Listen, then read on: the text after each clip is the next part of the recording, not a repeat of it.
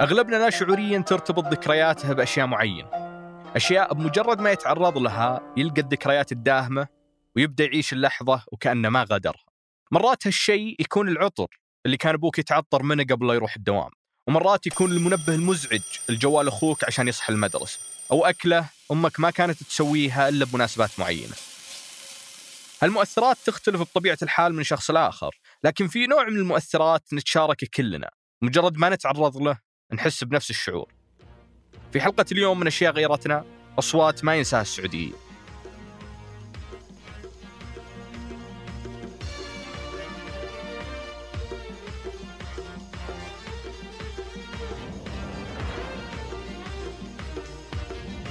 يا هلا.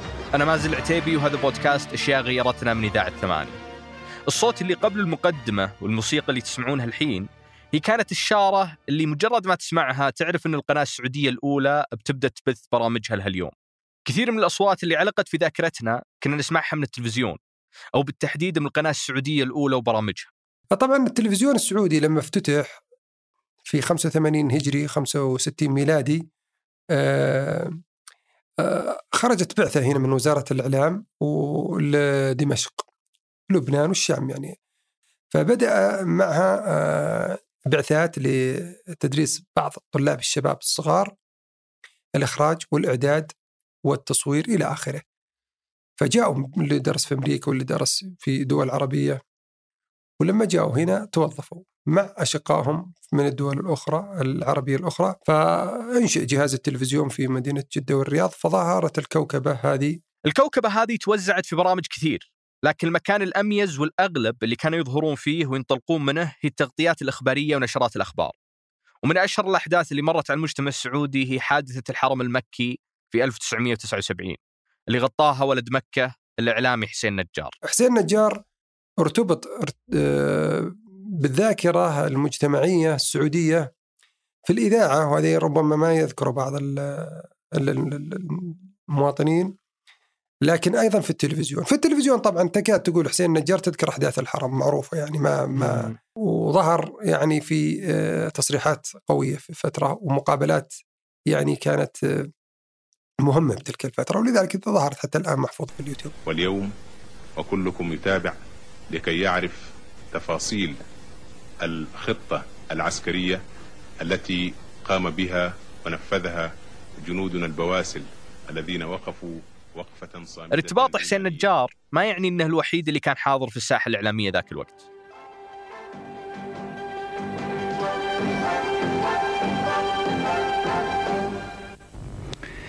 بسم الله الرحمن الرحيم. أيها السادة السلام عليكم ورحمة الله وبركاته. وأسعد الله أوقاتكم. نحييكم من تلفزيون المملكة العربية السعودية القناة الأولى ونقدم لحضراتكم نشرة الأخبار الأخيرة لهذا اليوم. في حال ما عرفت صاحب الصوت ذا فهو ماجد الشبل الله يرحمه اللي ما كان اسمه ماجد. الأب أراد أن يسميه ماجد ومحمد والأم أرادت أن تسميه ماجد. فالأب رسميا سجل الاسم محمد. والأم ظلت تسميه ماجد.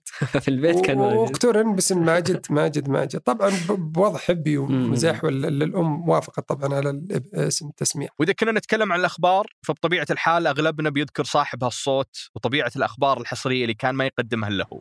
أيها الإخوة والأخوات صدرت اليوم الأوامر الملكية التالية.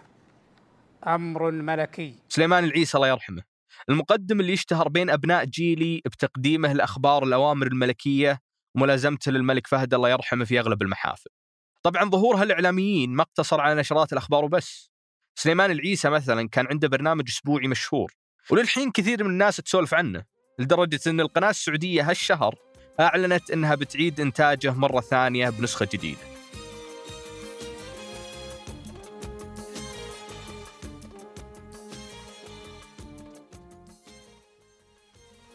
أعزائي المشاهدين السلام عليكم ورحمة الله تعالى وبركاته. مرحبا بكم مع حلقة جديدة من برنامجكم الأسبوعي مع الناس.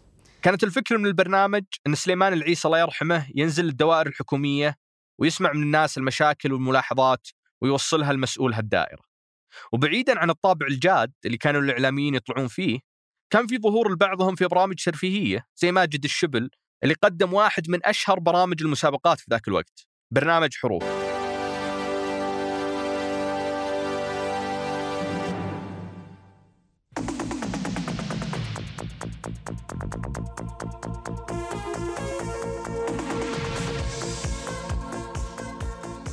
يمكن السعوديين لحالهم هم اللي برنامج حروف عالق في ذاكرتهم لكن في برنامج مسابقات ثاني كان مشهور ومو بس علق في ذاكرة السعوديين إلا في ذاكرة أغلب العرب وعلى قولة منصور هالبرنامج تملك المشهد بالكامل بنك المعلومات تملك المشهد بالكامل. وكان سهرة خميسية بس مين قدم بنك المعلومات؟ بنك المعلومات أول من قدم بنك المعلومات أحد الأشقاء العرب اللي كان من الأردن فلسطيني هو من. الأردن الدكتور الكفاءة العلمية المبهرة عمر الخطيب وأيها الإخوة مرحبا بكم في لقاء جديد مع بنك المعلومات.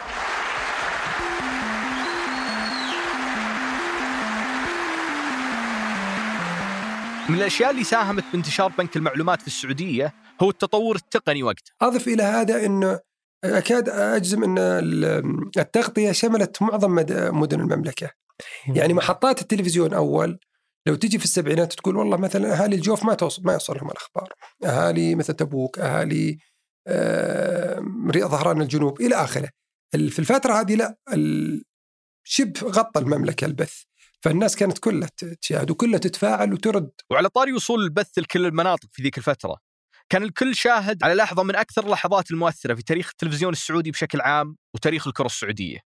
وهي لحظة بكاء المعلق علي داوود بعد تأهل المنتخب السعودي وفوزه على منتخب كوريا الشمالية قيادة المدرب خليل الزيان. مبروك لأبطالنا مبروك لكل مسؤول في بلدنا مبروك لكل مواطن حبيب في المملكة العربية السعودية. هذا الفوز وإن شاء الله نلتقي بكم في مرات قادمة في طريقنا إلى لوس أنجلوس.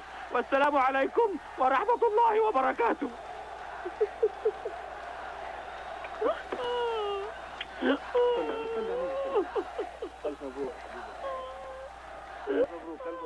أتخيل بعد ختام المباراة أن القناة استعرضت فواصل إعلانية عشان تنتقل للفقرة أو البرنامج الثاني. بس وش كانت الإعلانات اللي تميزت في ذاك الوقت وخلدت بذاكرة أغلب الناس؟ تعالوا تعالوا معاي.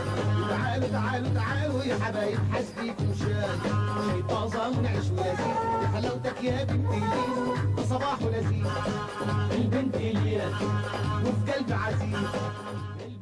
كان في لازمات في الإعلانات التجارية أصوات ما يعني اخترع الإنسان آلة التوقيت وطورتها سيكو. هذه كانت اللي عادي. إيه إيه كانت من ضمن ال... كانت آه آه آخر الإعلان يجي. هدوء ثم لولو من كشريل. أطر لولو. فهذه كانت يعني يرددونها الشباب والفتيات و... إيش أتذكر لك. أيوه. فتيحي. إيه، نح- نحن نحطم الأسعار تحطيما. هذه مهمة جدا. ليه؟ لأن من أول الإعلانات فتيحي والمراعي وعافية. يعني نحن نحطم الأسعار تحطيما. انتشرت بقوة هذه. للحين وحتى مع تقدم الزمن وتطور وسائل الإعلام ما زال وجود الإعلانات حاضر في كل مكان. على طاري الإعلانات اترككم مع الفاصل.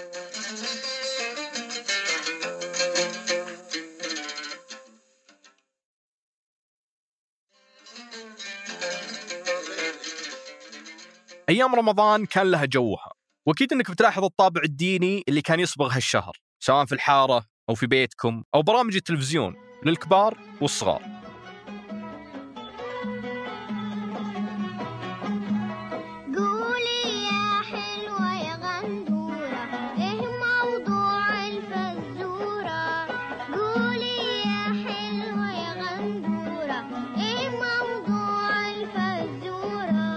كانت برامج الفوازير فوازير الأطفال. ظلت من ضمن الذاكرة الصوتيات الحاضرة في المجتمع السعودي. يعني تعرف تميزت فيها تميزت بشكل منفرد أطفال المدينة. ليه؟ لأن أطفال المدينة هم يتفوقون على جميع آه، محطات التلفزيون سواء في جدة في الرياض في الدمام في القصيم في أبها في حائل. يتميزون عنهم في برامج الأطفال. أناشيد الأطفال كانت متميزة. أضرب لك مثال. زهرتي يا زهرتي.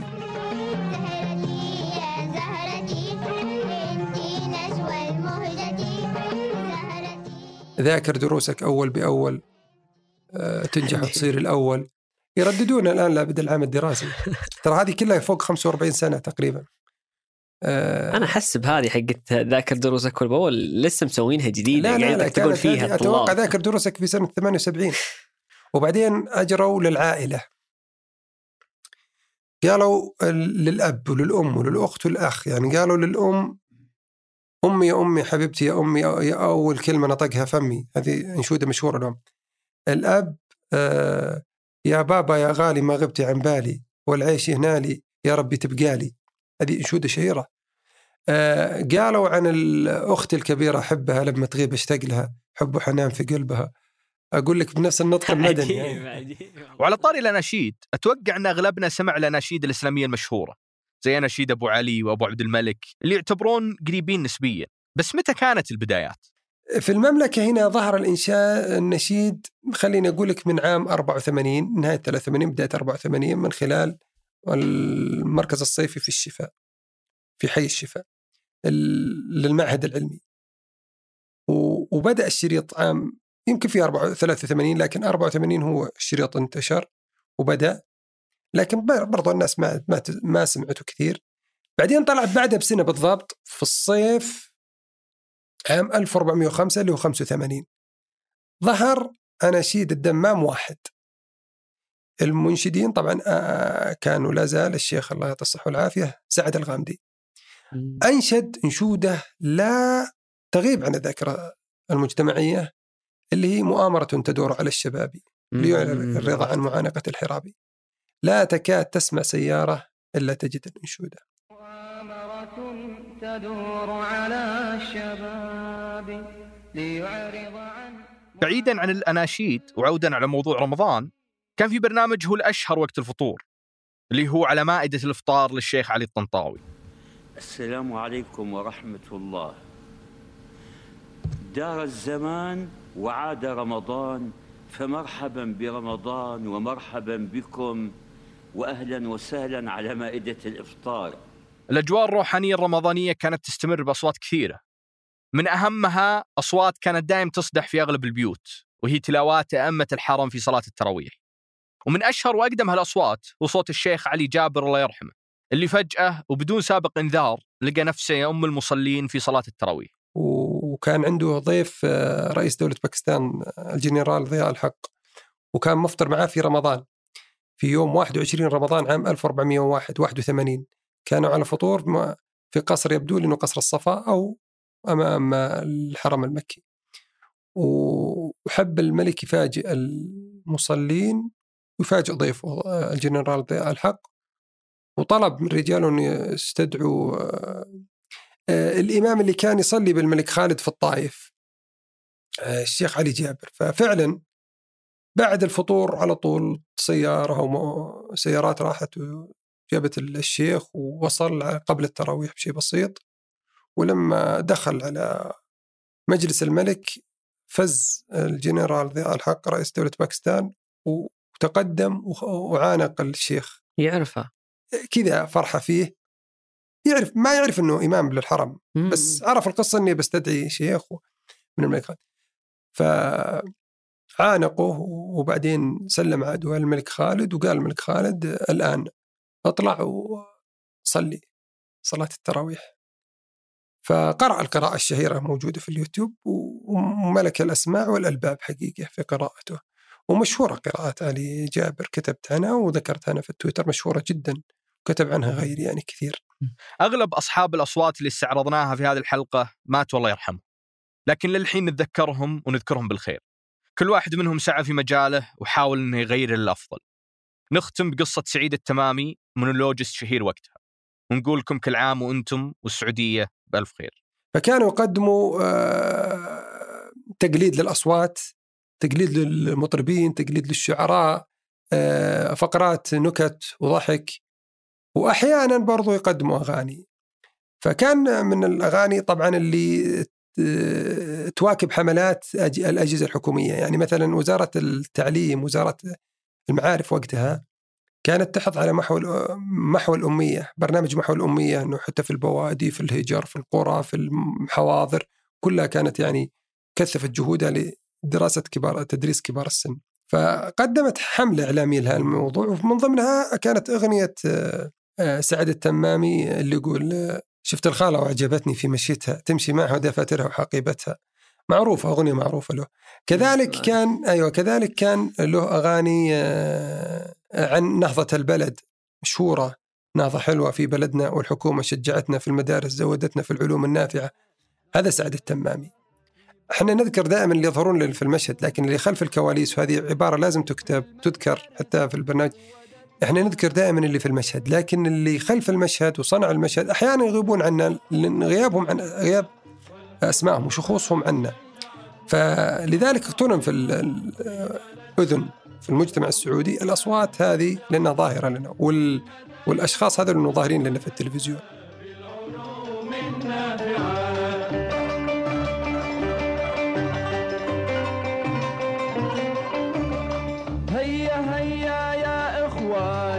ندرس ونعلي بنيان هيا هيا يا إخوان ندرس ونعلي بنيان واللي ما هذه الحلقة من بحث وإعداد الرائع منصور العساف. أنتجها أيمن الحمادي حررها ثمود بن محفوظ هندسها صوتيا الجندي المجهول محمد الحسن. فرغها وضبط توقيتها شذا محمد ويشرف على إنتاجها فايز المطيري وسحر سليمان.